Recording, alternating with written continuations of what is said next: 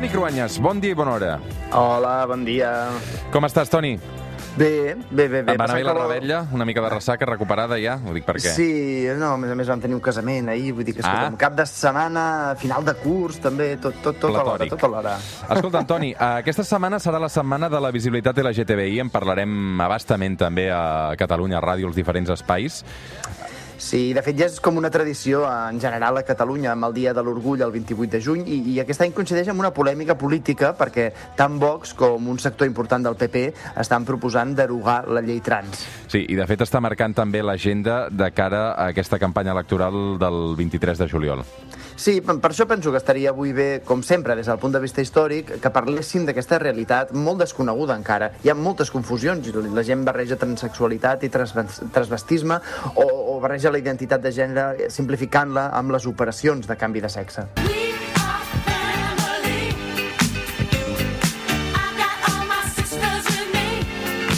Aquesta cançó és una de les que s'han convertit en un himne del col·lectiu LGTBI perquè marca la solidaritat de gais i lesbianes i també amb els transexuals. A veure, la transexualitat ha existit sempre, eh, de seguida ho explicarem, però encara el segle XXI és la de la lluita pel reconeixement trans. I no va ser fins a, fin, fins a mitjan del segle passat que es pot parlar realment dels primers casos públics. Des del punt de vista mèdic, el doctor Harry Benjamin va introduir aquest terme de transexualitat l'any 1953, o sigui, fa poc. Als Estats Units, en paral·lel als avanços científics, hi va haver un cas que va copsar l'atenció de la premsa. Christine Jorgensen, una noia de 26 anys que havia nascut nen, va sotmetre's a algunes operacions de reassignació de sexe a Dinamarca i ja com a dona, especialment guapa i amb una llarga melena rossa, va captar molt l'atenció dels mitjans de comunicació que van publicar la seva fotografia, eh, també com a soldat que havia sigut quan era més jove i la comparaven amb la dona guapa que era després. Eh, El seu cas, i d'un parell d'activistes trans més als Estats Units, van posar sobre la taula, com a mínim, l'existència d'aquella realitat. Escolta, i com és que van a parar a Dinamarca per, per operar-se? Estaven més avançats que els Estats Units? Sí, Dinamarca i Alemanya van ser dels primers països on es van fer operacions de reassignació de gènere. De fet, la pel·lícula La noia danesa, a, Medi Redmayne, que a més a més va ser nominat a l'Oscar per la seva interpretació, explica la situació a Dinamarca a principis del segle XX, a través del cas conegut de Lily Elf, que es va sotmetre a fins a cinc cirurgies amb l'objectiu final que li poguessin trasplantar un úter per poder ser mare.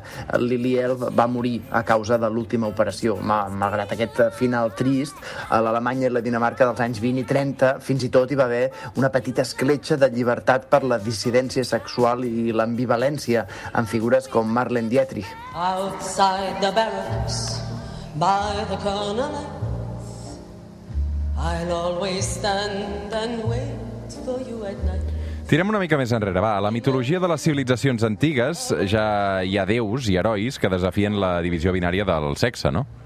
Sí, ha el cas de la divinitat doble d'Isis i Osiris a l'antic Egipte o el mite de Tirèsies a Grècia. Eh, Tirèsies havia sigut home i dona i finalment una altra vegada home i per això se'l considerava molt savi i els déus li preguntaven coses com a un oracle.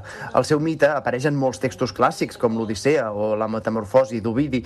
De fet, en algunes civilitzacions tan enrere com les societats caçadores neolítiques, els transexuals ja se'ls considera escollits per alguna força espiritual per exercir una funció de sacerdot o de xaman. Això també passava amb els aborígens de Sibèria o els indis nord-americans.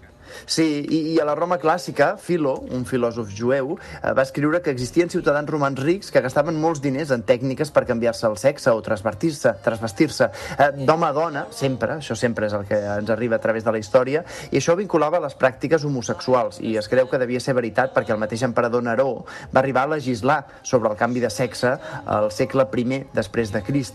200 anys després, un emperador romà, Heliogàbal, va adoptar una vestimenta femenina, va tenir molts amants masculins i volia que se la tractés en femení. Fins i tot va expressar que volia sotmetre's a una cirurgia d'extirpació de genitals, però va ser rebutjat per la cort romana i estigmatitzat fins al punt que es va ordir un complot en contra d'ell i el van assassinar i el van llançar al riu Tíber.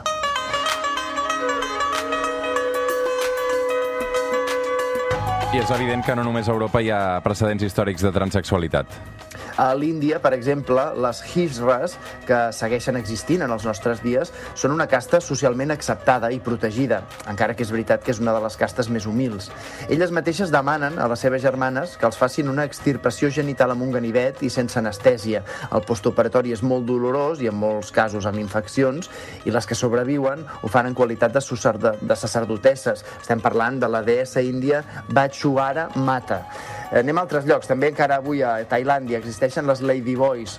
Al Perú, els Zaories andins, els indis Youma o els Cocopas. Al Canadà hi ha uns inuits que es diuen Chukchis, que també a la Polinèsia, els Maus i els Reres. I així iguals amb moltes tradicions desvinculades de la nostra, de la civilització europea. No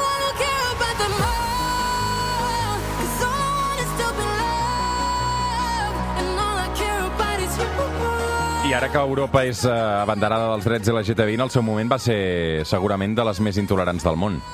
Clar, tot això que t'explicava ara és contemporani a l'evolució de la civilització europea i sobretot a l'edat mitjana, per exemple, la moral cristiana va relegar a la clandestinitat qualsevol manifestació sexual que estés fora dels seus cànons. Hi va haver bruixes que eren en el fons transexuals o transvestides.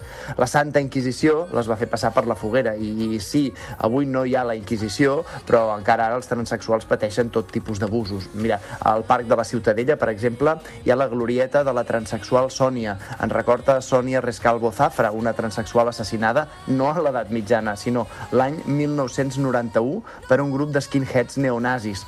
El seu cas va ser tractat amb menyspreu fins i tot per la policia a l'època que ho va investigar i això es pot veure en un capítol de crims molt recomanable, per cert, que Carles Porta va dedicar al cas de Sònia Rescalvo. Efectivament. Aquesta setmana, precisament a la glorieta del Parc de la Ciutadella, que porta el nom de Sònia Rescalvo, eh, s'hi farà un homenatge per part de la comunitat LGTBI com cada any.